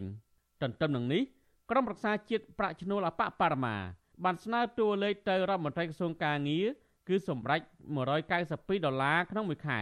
បូកនឹង2ដុល្លារបន្ថែមទៀតពីរដ្ឋាភិបាលដូច្នេះ កម្មករម្នាក់ធ្វើការនៅផ្នែកវិជ្ជាភ័ណ្ឌកាត់ដេរផលិតស្បែកជើង ផលិតផលធ្វើដំណើរនិងកាបូបសម្រាប់ឆ្នាំ2020ទទួលបានប្រាក់ខែគោលចំនួន192ដុល្លារក្នុងមួយខែពាក់ព័ន្ធនឹងរឿងនេះដែរប្រធានសហជីពប្រជាធិបតេយ្យកម្មករកាត់ដេរកម្ពុជាហៅកាត់ថាស៊ីខាឌូលោកគង់អាទិត្យសង្កេតឃើញថាឆ្នាំនេះភាគីនីមួយៗបានជជែកដែលយោងលើភ័ស្តុតាងប៉ុន្តែប្រព័ន្ធនៃការសម្រេចនិងតំណាងបោះឆ្នោតកំណត់ប្រាក់ឈ្នួលគោលមិនបានឆ្លុះបញ្ចាំង ពីប្រសិទ្ធភាព និងដំណាភាពតាំងពីដំបូងដោយសារសមាជិកសហជីពឬមន្ត្រីភាគច្រើនស្និទ្ធទៅនឹងក្រុមថាកែដែលធ្វើឲ្យពួកគេបោះឆ្នោតគ្រប់គ្រងតួលេខខាងថាកែឬរដ្ឋាភិបាលដែលធ្វើឲ្យបាត់បង់ផលប្រយោជន៍និងតួលេខស្នើឡើងដោយតំណាងគណៈកម្មការមេដឹកនាំសហជីពរំនេះយល់ថាការដំឡើងប្រាក់ឈ្នួល2ដុល្លារបន្ថែមទៀតនេះតិចតួចនិងមិនសមហេតុផលបើធៀបនឹងផលប៉ះពាល់កម្មករជាពិសេស មិនឆ្លោះបញ្ចាំងពីយុទ្ធធម៌ទាំងសងខាងនោះទេបងប្អូនកម្មករទូទាំងប្រទេសភ្ញាក់រលឹកនោះគឺថាយើងត្រូវធ្វើម៉េចឲ្យកម្មករហ្នឹងគាត់ធ្វើជាម្ចាស់នៃការតវ៉ាខ្លួនឯងហើយឲ្យការបោះឆ្នោតហ្នឹងតំណាងឲ្យកម្មករវាមិនដែលកម្មករណាគាត់ទៅទាយកដដែលយក192ដដែលទេអញ្ចឹងការបោះឆ្នោតហ្នឹងគឺយើងឃើញថាមានបញ្ហានៅក្នុងហៅក្រមសហជីពតាំងពីដំបូងបាត់ទៅហើយកម្មកររោងចក្រកាត់ដេរនៅខេត្តកណ្ដាលលោកស្រីដោកសាវ៉ាន់ប្រាប់វិទ្យុអសិរ័យនៅថ្ងៃទី28កញ្ញាថា លោកស្រីខកចិត្តជាខ្លាំងនៅពេលទទួលដំណឹងថារដ្ឋាភិបាលដំឡើងប្រាក់ខែគោលបន្ថែមចំនួន2ដុល្លារសម្រាប់កម្មករនៅឆ្នាំបន្ទាប់ដោយមិនខ្វល់ពីទុកលំបាករបស់កម្មករដែលប្រឹងប្រែងធ្វើការទាំងប្រថុយប្រឋានក្នុងអំឡុងពេលរាតត្បាតជំងឺ Covid-19 ដើម្បីជួយរក្សាប្រាក់ចំណេញឲ្យថៅកែនិងដំណើរការសេដ្ឋកិច្ចជាតិលោកស្រីអះអាងថាប្រាក់ខែគោលចំនួន194ដុល្លារក្នុងមួយខែនេះមិនអាចជួយឲ្យកម្មករមានជីវភាពរស់នៅសមរម្យបាននោះទេ ព្រោះស្ថានភាពបច្ចុប្បន្នកម្មករកំពុងតែជួបបញ្ហាជីវភាពដោយចំណាយច្រើនលើទំនិញលើទីផ្សារនិងផ្ទះជួលឡើងថ្លៃបង់ថ្លៃទឹកភ្លើង និងបំណុលធនាគារជាដើម។ កាត់ដេករបស់យើងមួយទៀតឥឡូវហ្នឹងបញ្ជូនម៉ាស៊ីនធំធំដើម្បីឲ្យកម្មករយើងរត់ម្នាក់ឯងពីម៉ាស៊ីនក៏មានសក្តិថយកម្លាំងកម្មករដាក់ម៉ាស៊ីនស្វ័យប្រវត្តិមកហើយខ្ញុំជឿជាក់ថាក្នុងឆ្នាំថ្មីនេះដំឡើង2ដុល្លារនេះប្រកាសគឺបខំហើយនឹងដំឡើងចំនួននៅអ្វីដែលកម្មករគាត់ធ្វើព្រោះគាត់អាងថាលុយឡើងហើយអញ្ចឹងការងារត្រូវឡើងហើយអញ្ចឹងគាត់គិតថា2ដុល្លាររបស់គាត់នោះដូចធ្វើថឹកក៏ធក់គាត់ដូចស្មើនឹង20000ដុល្លារអញ្ចឹងក្រុមសហជីពឯករាជ្យអះអាងថាប្រាក់ឈ្នួលគោលនេះ មិនឆ្លើយតបជំវិញនឹងតម្រូវការជាក់ស្ដែងរបស់កម្មករដែលកំពុងតែជួបបញ្ហាលំបាកដោយសារតែសេដ្ឋកិច្ចសង្គមសុខភាពហើយលើសពីនេះទៀតក្រុមសហជីពក៏បានរកឃើញថាក្នុងសមាជិកគ្រួសារកម្មករដែលមានគ្នា5នាក់គឺមានសមាជិក2នាក់ប៉ុណ្ណោះដែលរកប្រាក់ចំណូលសម្រាប់គ្រប់គ្រងក្នុងគ្រួសាររីឯប្រាក់ចំណូលទៀតសោតក៏មានចំនួនតិចតួចមិនអាចទ្រទ្រង់ក្នុងជីវភាពរស់នៅប្រចាំថ្ងៃបានសមរម្យនោះទេដោយសារពួកគេ ត្រូវការចាយវាប្រចាំថ្ងៃសងប្រាក់បំណុលធនាគារនិងមីក្រូហិរញ្ញវត្ថុព្រមទាំងចំណាយលើការឈឺថ្កាត់ទៀតផងខ្ញុំទីនសាការីយ៉ាអសិសរីប្រធានីវ៉ាស៊ីនតោនបានលុននាងជាទីមត្រីនាយកគ្រប់គ្រងសារព័ត៌មានកោះកងព័ត៌មានតនហេតុការលោកយុនឈីវអះអាងថាលោកបានផ្សព្វផ្សាយតាមទៅរឿងចាក់ស្ដែងមិនបានផ្សព្វផ្សាយខុសពីការពិតទេលោកយុនឈីវអះអាងបែបនេះបន្ទាប់ពីរដ្ឋមន្ត្រីក្រសួងការពារជាតិលោកទាបាញ់ បានបញ្ជាចាត់វិធានការប្តឹងរូបលោកទៅតុលាការដោយចោទថាបានផ្សាយព័ត៌មានមិនពិតដែលនាំឲ្យមានចលាចលក្នុងសង្គមទាក់ទងបញ្ហាដីធ្លីនៅស្រុកបទុមសាគរខេត្តកកុងបានពីរដ្ឋធានីវ៉ាស៊ីនតោនអ្នកស្រីសុជីវីរាយការណ៍ព័ត៌មាននេះលោកយួនឈីវថាលោកនៅមិនទាន់ទទួលបានព័ត៌មានជាក់លាក់ពីការប្តឹងផ្តល់ដែលបានចេញបញ្ជាដោយលោកទៀបបាញ់រដ្ឋមន្ត្រីក្រសួងការពារជាតិនេះនៅឡើយទេ តែទោះយ៉ាងណាលោកអះអាងថា លោកបានផ្សាយព័ត៌មានពិតទៅតាមរឿងរ៉ាវជាក់ស្ដែងលោកយួនឈីវបន្តថាលោកពុំមានអ្វីឆ្លើយតបនឹងគម្រោងប្តឹងរូបលោក ដែលព្រួយផ្ដើមដោយលោកទៀបបាញ់ទេលោកមានតែធ្វើតាមដំណើរទាំងផ្លូវច្បាប់ឬការសម្របសម្រួលណាមួយប្រសិនបើអាចកើតមានប្រខ្ញុំមិនតាន់មាននីតិវិធីការពីក្តីក្នុងនាមខ្ញុំជាអ្នកការព័ត៌មាននេះក៏មិនមានអីមានតែន័យថាសុំទោសពីខ្ញុំសុំទោសខ្ញុំសុំទោស ពីអុយធ្វើលុបអត្ថបទខ្ញុំលុបអត្ថបទតែប៉ុណ្ណឹងអានេះអឺកំពុងដែលខ្ញុំយើងឃើញថាអញ្ចឹងខ្ញុំធ្វើអីធ្វើហ្នឹងតែអ្វីដែលធ្វើហួសហេតុចំពោះអឧត្តមកតិក្នុងនាមជាអ្នកការពលមានអ្វីដែលខ្ញុំទទួលបានគឺខ្ញុំទទួលអ្វីទទួលបានខ្ញុំមិនអាចទទួលយកបាន កាលពីថ្ងៃទី26ខែកញ្ញាសារព័ត៌មានក្នុងស្រុកចុះផ្សាយថាលោកទាបាញ់ បានបញ្ជាឲ្យអ្នកក្រៅបង្គាប់រៀបចំដាក់ប្តឹងអ្នកសារព័ត៌មានអនឡាញលោកឈួនឈីវក្រោយរាយការណ៍ពាក់ព័ន្ធនឹងការកាត់ជ្រឿដីនៅខេត្តកោះកុងឲ្យបានឆាប់រហ័សនិងទាន់ពេលវេលាដោយចោទថាជាព័ត៌មានខុសការពិតមិនគ្រប់ជ្រុងជ្រោយនិងបង្កចលាចលក្នុងសង្គមបញ្ជារបស់លោកទៀបបាញ់នេះទៀតសោតធ្វើឡើងភ្លាមភ្លាមបន្ទាប់ពីអភិបាលខេត្តកោះកុងអ្នកស្រីមិថុនាភូថងបានចេញសេចក្តីប្រកាសព័ត៌មានមួយថាលោកយួនឈីវ បានផ្សាយព័ត៌មានដែលគ្មានមូលដ្ឋានច្បាស់លាស់ខុសពីការពិត មានចេតនាបង្កាច់បង្ខូចកេរ្តិ៍ឈ្មោះអភិបាលរងខេត្តនេះលោកសុកសុធីនិងថែមទាំងធ្វើឲ្យសាធារណជនយល់ច្រឡំព្រមទាំងបង្កភាពចលាចលក្នុងសង្គមសេចក្តីប្រកាសដដែលបញ្ជាក់ថាលោកយួនឈីវបានផ្សាយវីដេអូតាមបណ្ដាញសង្គម Facebook ឈ្មោះកោះកុង Hot News កាលពីថ្ងៃទី19ខែកញ្ញាដោយដាក់ចំណងជើងថាលោកសុកសុធី ខូខើបំផុតធ្វើបាបពលរដ្ឋប្រភពដដែលបន្តថាលោកយួនឈីវបានផ្សព្វផ្សាយអត្ថបទមួយទៀតថាលោកសុកសុធីមិនព្រមធ្វើតាមប្រមុខរដ្ឋាភិបាលពាក់ព័ន្ធនឹងការកាត់ជ្រឿដីជូនប្រជាពលរដ្ឋហើយអាជ្ញាធរខេត្តកោះកុងដឹកនាំដោយលោកសុកសុធីបានកាប់បំផ្លាញដំណាំ និងផ្ទះពលរដ្ឋគ្មានញញើដៃឆ្លើយតបរឿងនេះលោកយួនឈីវរំលឹកថាលោកបានផ្សាយព័ត៌មានពាក់ព័ន្ធនឹងរឿងដីធ្លីរបស់ពលរដ្ឋជាង100គ្រួសារនៅឧស្សាហជាតិបទុមសាគរដែលពេលនោះ កម្លាំងដឹកនាំដោយអភិបាលរងខេត្តលោកសុកសុធីពិតជាបានចុះទៅតំបន់មានចំនួននោះមែនលោកថាលោកសុកសុធីនិងអាជ្ញាធរពាក់ព័ន្ធគួរតែកាត់ជ្រឿដីឲ្យពលរដ្ឋតាមអនុក្រឹត្យរបស់រដ្ឋាភិបាលលេខ30ចុះកាលពីថ្ងៃទី2ខែមីនា ឆ្នាំ2021ពេលបានថាអត្រ័យផលចាក់ស្ដែងហើយមិនបានកាត់វាជូនគាត់ឬដល់នៅជូនគាត់ទេបែរទៅកាត់ដំណាំជាប្រវត្តិដែលត្រូវផលចាក់ស្ដែងនោះ ទាំងខ្ញុំគិតថាការងាររបស់រដ្ឋាភិបាលដែលខំកាត់ទ្វារជូនប្រជាពលរដ្ឋហើយជាពិសេសសម្ដេចសេនាធិការជាបាញ់ក៏ខំញ៉ាំលេងជួយប្រជាពលរដ្ឋដើម្បីកាត់ទ្វារក៏មួយដីមានដំណោះជាមួយក្រុមហ៊ុនឬក៏ជាមួយតំបន់ការពាររបស់បុទុមសាគរដីឧជនជាតិបុទុមសាគរយ៉ាងជៀសវាងឲ្យទី1នោះគឺថាតំបន់ដែលកាន់កាត់ដោយតំបន់អភិរក្សសត្វព្រៃគឺថាហៅកាត់ថា White Aid ទាំងជៀសវាងទៅនឹងរឿងដីដែលត្រូវផលចាក់ដីគឺកាត់ជូនប្រជាពលរដ្ឋបន្ទាប់ពីមានលិខិតនោះហើយតែទោះជាយ៉ាងណារដ្ឋបាលខេត្តកោះកុងបញ្ជាក់ថាអាជ្ញាធរខេត្តកាលពីថ្ងៃទី19ខែកញ្ញាគ្រាន់តែចុះទៅអនុវត្តវិធានការរដ្ឋបាលនៅចំណុចអូយ៉ូយ៉ាចំណុចខ្មោច4នាក់នៅភូមិចម្លងគូនិងចំណុចព្រៃរៈចំណុចព្រៃគុល ស្ថិតនៅភូមិចំការលើឃុំថ្មស ស្រុកបទុមសាគរខេត្តកោះកុងដោយសារនៅទីតាំងទាំងនោះមានការចូលទន្ទ្រានកាន់កាប់ដីដោយខុសច្បាប់ពីសំណាក់ជនខិលខូចដែលប៉ះពាល់ដល់ឧស្សាហជាតិបទុមសាគរតែទោះជាយ៉ាងណាលោកយួនឈីវដែលមានដីនៅតំបន់នោះអះអាងថាលោកនិងបរដ្ឋជាច្រើនគ្រួសារទៀត បានទិញដីតតគ្នានៅតំបន់នោះដែលមានការទទួលស្គាល់ពីអាជ្ញាធរមូលដ្ឋាន និងបានអាស្រ័យផល ដែលគួរតែរដ្ឋាភិបាលផ្ដល់កម្មសិទ្ធិនិងកាត់ជ្រឿដីទាំងនោះឲ្យទៅពលរដ្ឋនាយកប្រតិបត្តិអង្គការសម្ព័ន្ធអ្នកសារព័ត៌មានកម្ពុជាហៅកាត់តែខេមបូចាលោកណូវីប្រាប់វិទ្យុអាស៊ីសេរីថាអង្គការរបស់លោកកំពុងប្រមូលព័ត៌មានតាក់ទងរឿងនេះតែទោះជាយ៉ាងណាលោកថាអាញាធរគួរតែជៀសវាងប្តឹងផ្តល់អ្នកសារព័ត៌មានទៅតុលាការព្រោះករណីបែបនេះ និងគម្រាមកំហែងដល់សិទ្ធិសេរីភាពបញ្ចេញមតិរបស់ពលរដ្ឋក្នុងច្បាប់យើងដឹងហើយថានៅក្នុងករណីនៃការផ្សព្វផ្សាយព័ត៌មានហើយបើសិនជាអ្នកសារព័ត៌មានគាត់ផ្សព្វផ្សាយព័ត៌មានដែលគាត់យកមកផ្សាយហ្នឹងគឺវាវាមានបញ្ហាដែលមិនទាន់មានភាពត្រឹមត្រូវយើងអាចស្នើឲ្យគាត់ធ្វើការកែតម្រូវធ្វើការកែតម្រូវនៅក្នុងការចេញផ្សាយរបស់គាត់ហើយបើសិនជាអ្នកសារព័ត៌មានគាត់មិនមានការកែតម្រូវឬអីទៀតបានវាអាចឈានទៅដល់ដំណាក់កាលរឿងតឡាការរឿងអីចឹងទៅតកតងនឹងការចូលទៅកាន់កាប់ដីនៅតំបន់ការពារធនធានធម្មជាតិក្រមអ្នកការពារសិទ្ធិដីធ្លីចាត់ទុកករណីបែបនេះថាជាការអនុវត្តធូររលុងរបស់អាជ្ញាធរមូលដ្ឋាន ពួកគេស្នើរដ្ឋាភិបាល កាត់ជ្រឿដីឲ្យពលរដ្ឋទៅតាមស្ថានភាពជាក់ស្ដែងព្រោះកន្លងទៅរដ្ឋាភិបាលតែងតែកាត់ជ្រឿដីតំបន់ការពារទៅឲ្យក្រុមហ៊ុនឯកជនបាន ហើយថែមទាំងមានទំហំធំធេងជាងដីដែលពលរដ្ឋកំពុងអាស្រ័យផលនោះថែមទៀតផងចា៎នេះខ្ញុំសុជីវី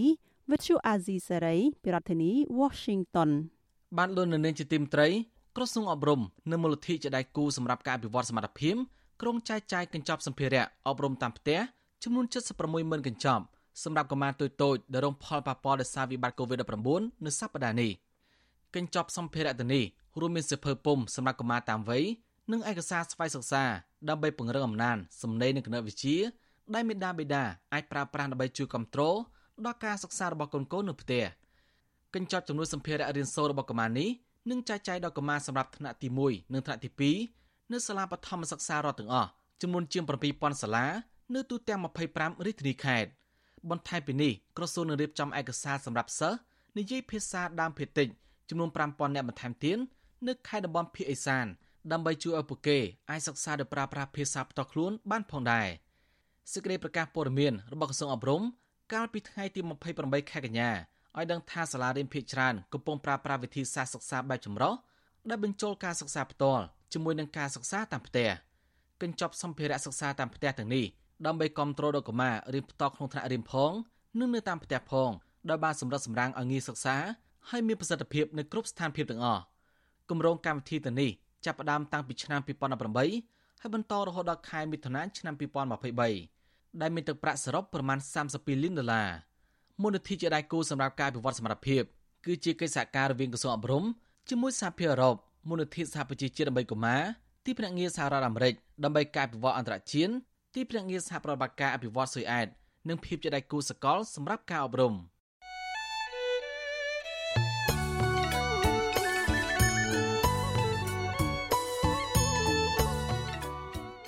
បានលោកនាងជាទីមត្រីលោកនាងក៏អាចស្ដាប់ការផ្សាយវិទ្យុអាស៊ីសេរីដំណើរគ្នានឹងការផ្សាយតាមបណ្ដាញសង្គម Facebook និង YouTube នេះតាមរយៈរលកធាតុអាកាសខ្លីឬ Shortwave ពេលព្រឹកចាប់ពីម៉ោង5កន្លះដល់ម៉ោង6កន្លះតាមរយៈរលកធាតុអាកាសខ្លី9940 kHz ឬស្មើនឹងកម្ពស់ 30m ពេលយប់ចាប់ពីម៉ោង7កន្លះដល់ម៉ោង8កន្លះតាមរយៈរលកធាតុអាកាសខ្លី9960 kHz ឬស្មើនឹងកម្ពស់ 30m និង11240 kHz ឬស្មើនឹងកម្ពស់ 25m បាទសូមអរគុណ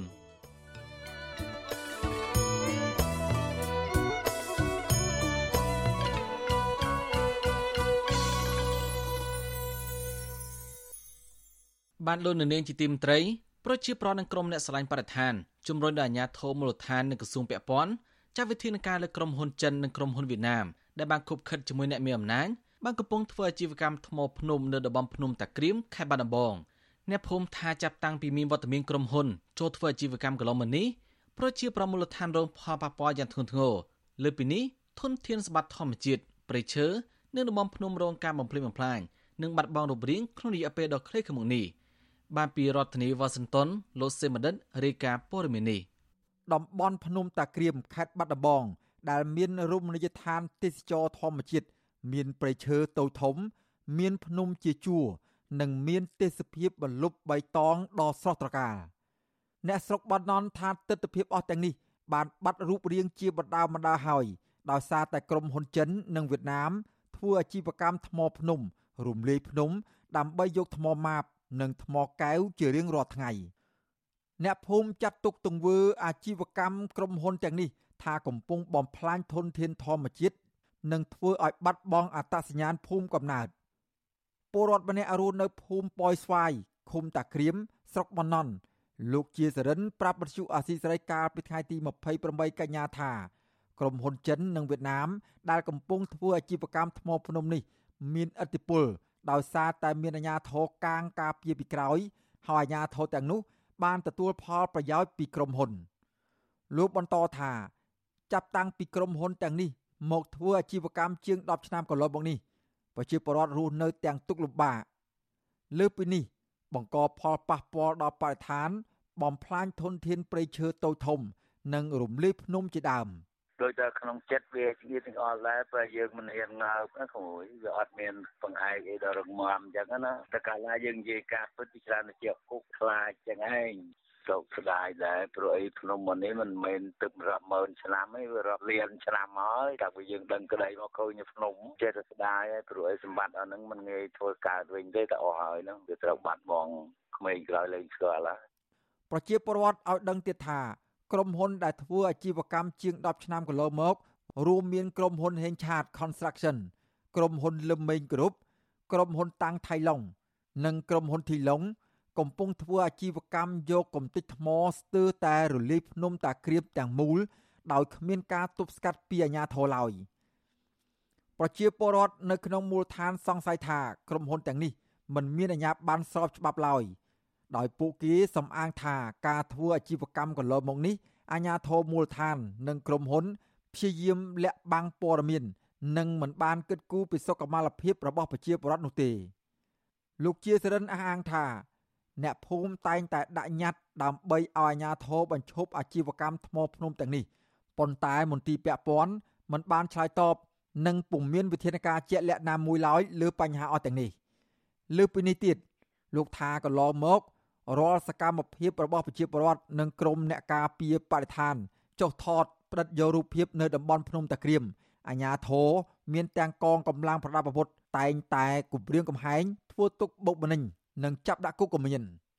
ស្រដៀងគ្នានេះដែរប្រជាពលរដ្ឋរស់នៅភូមិតាងែនឃុំតាក្រៀមលោកឌឿនសាវ៉េតសោកស្ដាយធនធានធម្មជាតិដែលត្រូវបានក្រុមហ៊ុនចិន និងវៀតណាមខុបខិតគ្នាជាមួយនឹងអ្នកមានអំណាចធ្វើអាជីវកម្មថ្មដោយសេរី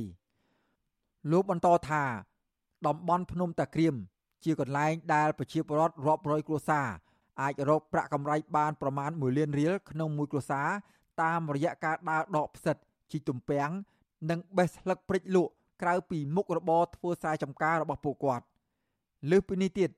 លោកបារម្ភថាតំបន់ភ្នំតាក្រៀមនឹងបាត់រូបរាងក្នុងរយៈពេលដ៏ខ្លីខាងមុខប្រសិនបើអាជ្ញាធរនិងក្រសួងពាក់ព័ន្ធមិនមានវិធានការទប់ស្កាត់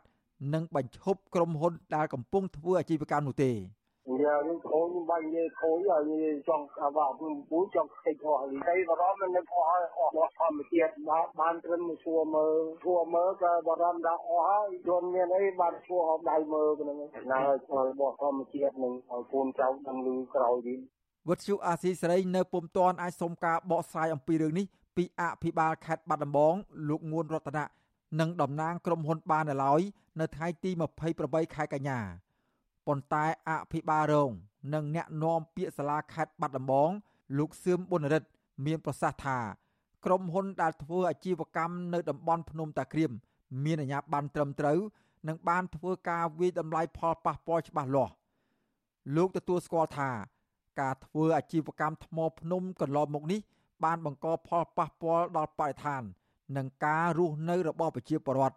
តែលោកអះអាងថាអាញាធរមូលដ្ឋាន មិនបានប្រងើយកន្តើយចំពោះក្តីកង្វល់របស់ប្រជាពលរដ្ឋឡើយចំណែកផលប៉ះពាល់បរិស្ថាន និងសង្គមវិញ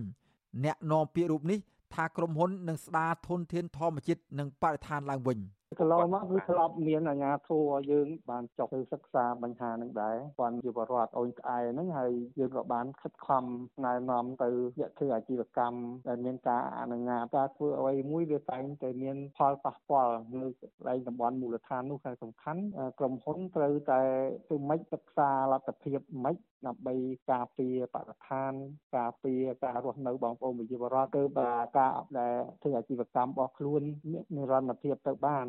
ទោះជាយ៉ាងណាប្រធានផ្នែកកម្មវិធីសិក្សាស្រាវជ្រាវនិងតស៊ូមតិនៃសមាគមបណ្ដាញយុវជនកម្ពុជាហៅកាត់ថា CYN លោកហេងកំហុងយល់ថា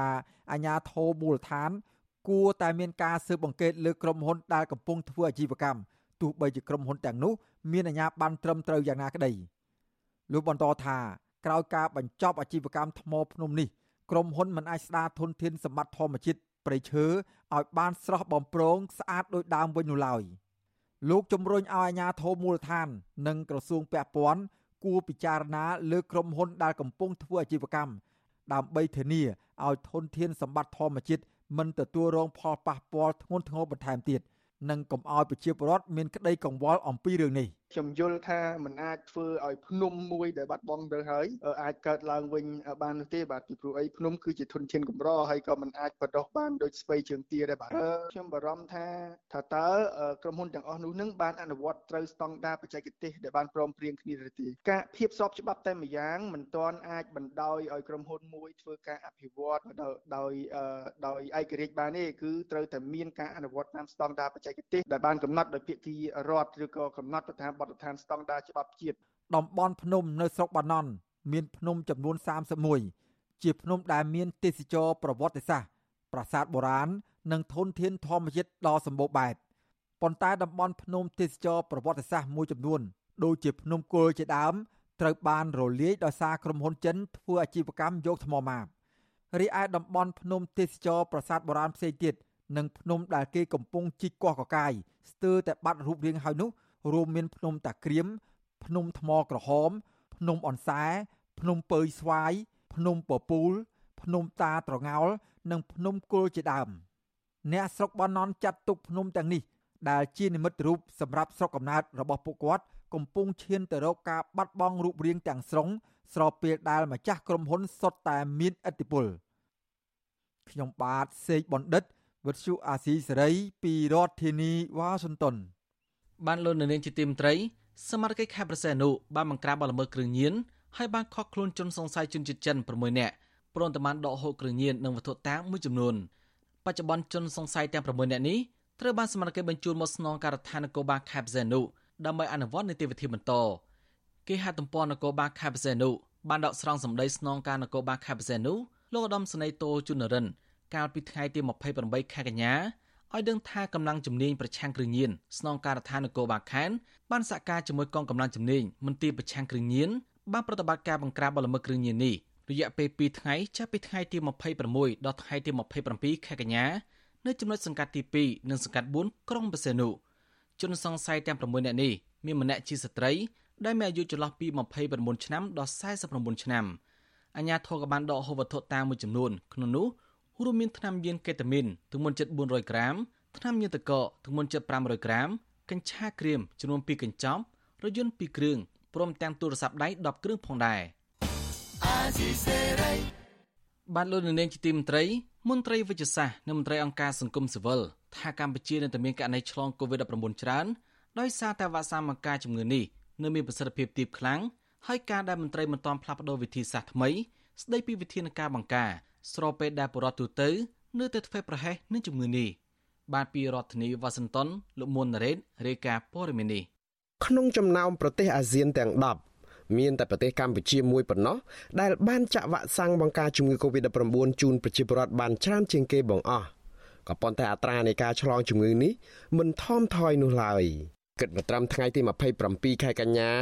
ពលរដ្ឋខ្មែរជាង13លាននាក់ បានចាក់វ៉ាក់សាំងដូសទី1និងជិត11លាននាក់បានចាក់រួចដូសទី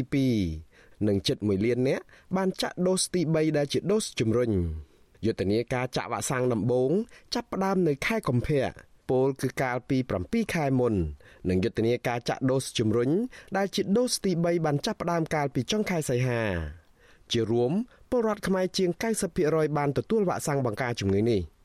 ក៏ប៉ុន្តែអ្វីដែលគួរឲ្យកត់សម្គាល់គឺនៅក្នុងរយៈពេល30ថ្ងៃនៃយុទ្ធនាការចាក់វ៉ាក់សាំងដូសទី3ដែលជាដូសជំរុញនោះអត្រានៃអ្នកឆ្លងជំងឺនេះបានកើនឡើងទ្វេដងកាលពីចុងខែសីហាអ្នកឆ្លងជាមធ្យមមានប្រមាណ450នាក់នៅក្នុងមួយថ្ងៃក៏ប៉ុន្តែឥឡូវនេះអ្នកឆ្លងកើនឡើងដល់ទៅជាង800នាក់នៅក្នុងមួយថ្ងៃចំនួនអ្នកស្លាប់ដោយសារជំងឺនេះបានកើនឡើងដល់ទៅ22អ្នកជាមធ្យមប្រចាំថ្ងៃ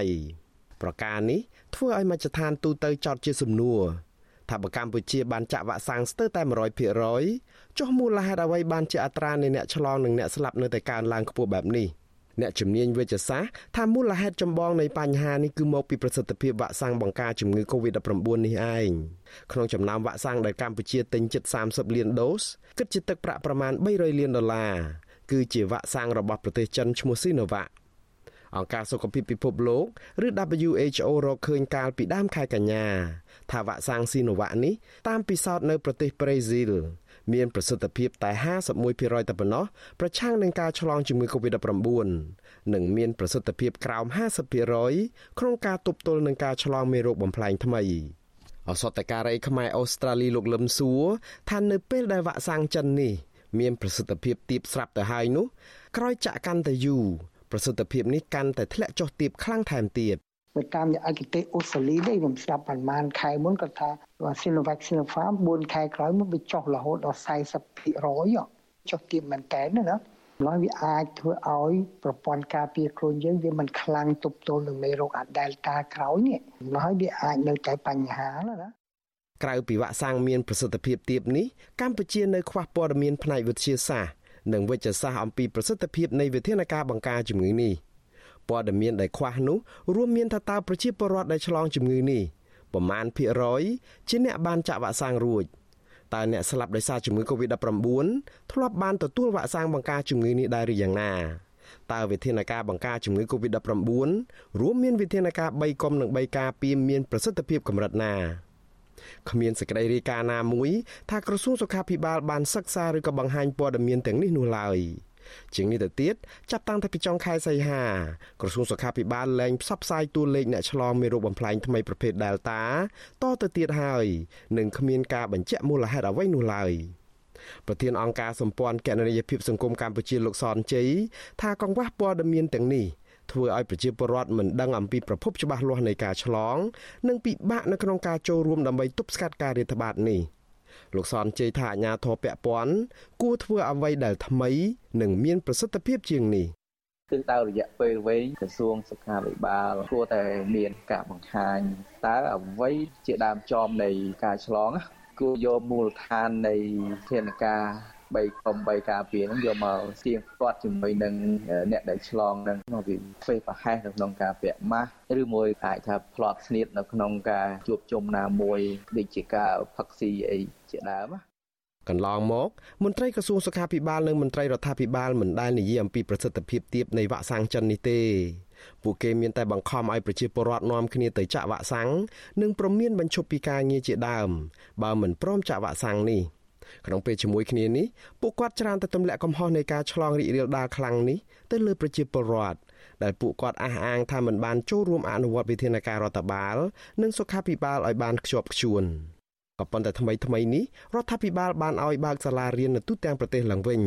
និងបណ្ដោយឲ្យប្រជាពលរដ្ឋពពាក់ពពូនគ្នានៅតាមទីវត្តអារាមនៅក្នុងពិធីកាន់បិណ្ឌប្រហែលជាដោយសារតែជឿជាក់ទៅលើវ៉ាក់សាំងចិនដែលបានចាក់ស្រោចពេញផ្ទៃប្រទេសនោះ។ តលតែសិស្សសាលាជាច្រើនអ្នកឆ្លងជំងឺនេះទើបរដ្ឋាភិបាលបិទសាលារៀនមួយចំនួនវិញនឹងក្រោយប្រសង់និងអ្នកទៅវត្តជាច្រើនឆ្លងជំងឺនេះទើបរដ្ឋាភិបាលបញ្ជាឲ្យផ្អាកពិធីកាន់បិណ្ឌតាមវត្តអារាមនៅទូទាំងប្រទេសក្រោយឆ្លោះឆ្លួយរួចហើយទើបលោកនាយរដ្ឋមន្ត្រីហ៊ុនសែនទទួលស្គាល់ថាលោកធ្វេសប្រហែសដែលអនុញ្ញាតឲ្យរៀបចំពិធីបុណ្យភ្ជុំបិណ្ឌនៅឆ្នាំនេះដែលបណ្ដាលឲ្យផ្ទុះរាតត្បាតជំងឺ Covid-19 នៅតាមវត្តអារាមបែបនេះ។ បើទោះបីជាវិបត្តិនៃជំងឺ Covid-19 បានកើតឡើងជិត2ឆ្នាំទៅហើយក្តីក៏ការយល់ដឹងអំពីជំងឺនេះនៅមានកម្រិតនៅឡើយដែលធ្វើឲ្យប្រជាពលរដ្ឋជាច្រើននៅតែមិនអាចត្រៀមខ្លួនដើម្បីបង្ការជំងឺនេះបានប្រធានសមាគមគ្រូពេទ្យគុណធម៌កម្ពុជាលោកអ៊ូចវុធីថាគំថាឡាយតែរាសាមញ្ញដែលនៅតែមិនសូវយល់ដឹងអំពីបញ្ហានេះសូម្បីតែមន្ត្រីវិទ្យាសាស្ត្រក៏នៅតែមានភាពឆក់ល្វែងច្រើនដែរលោកថាអ្នកខ្លះ មិនដឹងថាខ្លួនមានឬក៏គ្មានប្រព័ន្ធភាពស៊ាំប្រឆាំងនឹងជំងឺ Covid-19 ឬក៏យ៉ាងណានោះឡើយហើយចេះតែនាំគ្នាទៅចាក់វ៉ាក់សាំងបង្ការជំងឺនេះទាំងព្រាវដែលនាំឲ្យគ្រោះថ្នាក់ភាគច្រើនគាត់មានជំងឺ Covid ហើយហើយគាត់ទៅចាក់កន្លែងហ្នឹងហើយវាស្មើនឹងសូន្យហើយជំងឺហ្នឹងវានៅតែរាលដាលហើយវានៅតែប្រឆាំងគ្នានៅហ្នឹងហើយអ្នកខ្លះខ្សោយទៅអាចនឹងស្លាប់គ្រូពេទ្យមួយចំនួនស្លាប់វគ្គដំបូងហ្នឹងតែគ្រូពេទ្យធំធំទៀតសូម្បីតែខ្លួនឯងជាដុតទ័រហ្នឹងនៅតែធ្វើប្រហែសហើយស្លាប់ទៀត វត្តជូអាស៊ីសេរីមិនអាចសុំការបំភ្លឺជំរឿនរឿងនេះពីអ្នកនាំពាក្យក្រសួងសុខាភិបាលអ្នកស្រីអាវវ៉ាន់ឌិនបានទេក៏ប៉ុន្តែកន្លងមកក្រសួងសុខាភិបាលមិនដែលចេញសេចក្តីរាយការណ៍ណាមួយអំពីប្រសិទ្ធភាពឬក៏ផលប៉ះពាល់របស់វ៉ាក់សាំងបង្ការជំងឺ Covid-19 របស់ចិននោះឡើយក្រសួងសុខាភិបាលបានត្រឹមតែផ្សព្វផ្សាយបន្តសាររបស់អង្គការសុខភាពពិភពលោកដែលលើកទឹកចិត្តឲ្យប្រជាពលរដ្ឋនាំគ្នាទៅចាក់វ៉ាក់សាំងដែលអង្គការសុខភាពពិភពលោកទទួលស្គាល់ឲ្យបានគ្រប់គ្នាតាមដែលអាចធ្វើទៅបាន។ អង្គការសុខភាពពិភពលោកបានទទួលស្គាល់វ៉ាក់សាំងបង្ការជំងឺ Covid-19 ចំនួន6មុខ2មុខជាវ៉ាក់សាំងចិននិង4មុខទៀតជាវ៉ាក់សាំងអាមេរិកនិងអង់គ្លេសនៅក្នុងចំណោមវ៉ាក់សាំងទាំងនេះវ៉ាក់សាំងអាមេរិកនិងអង់គ្លេសមានប្រសិទ្ធភាពលើសពី80%ក្នុងការបង្ការជំងឺ Covid-19 រួមទាំងមេរោគបំផ្លែងថ្មីផង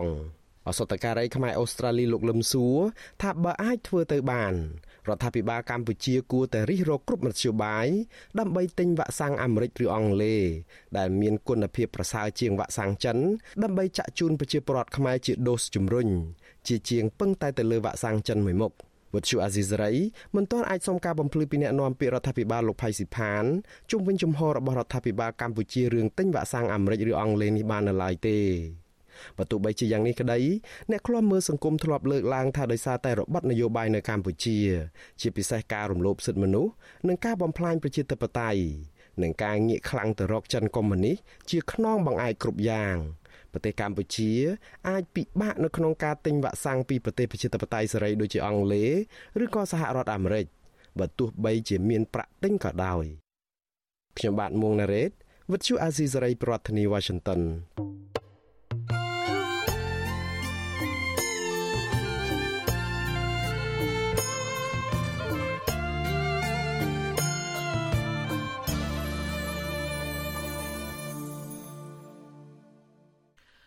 បានលោកនៅនាងកញ្ញាអ្នកស្ដាប់វិទ្យុអាស៊ីសេរីជាទីមេត្រីការផ្សាយរយៈពេល1ម៉ោងនៃវិទ្យុអាស៊ីសេរីជាភាសាខ្មែរនៅពេលនេះចប់តែប៉ុណ្ណេះយើងខ្ញុំសូមជូនពរដល់លោកអ្នកនាងព្រមទាំងក្រុមគ្រួសារទាំងអស់ឲ្យជួបប្រកបតែនឹងសេចក្តីសុខចម្រើនរុងរឿងកុំបីឃ្លៀងឃ្លាតឡើយខ្ញុំបាទសនចាររថាព្រមទាំងក្រុមការងារទាំងអស់នៃវិទ្យុអាស៊ីសេរីសូមអរគុណនិងសូមជម្រាបលា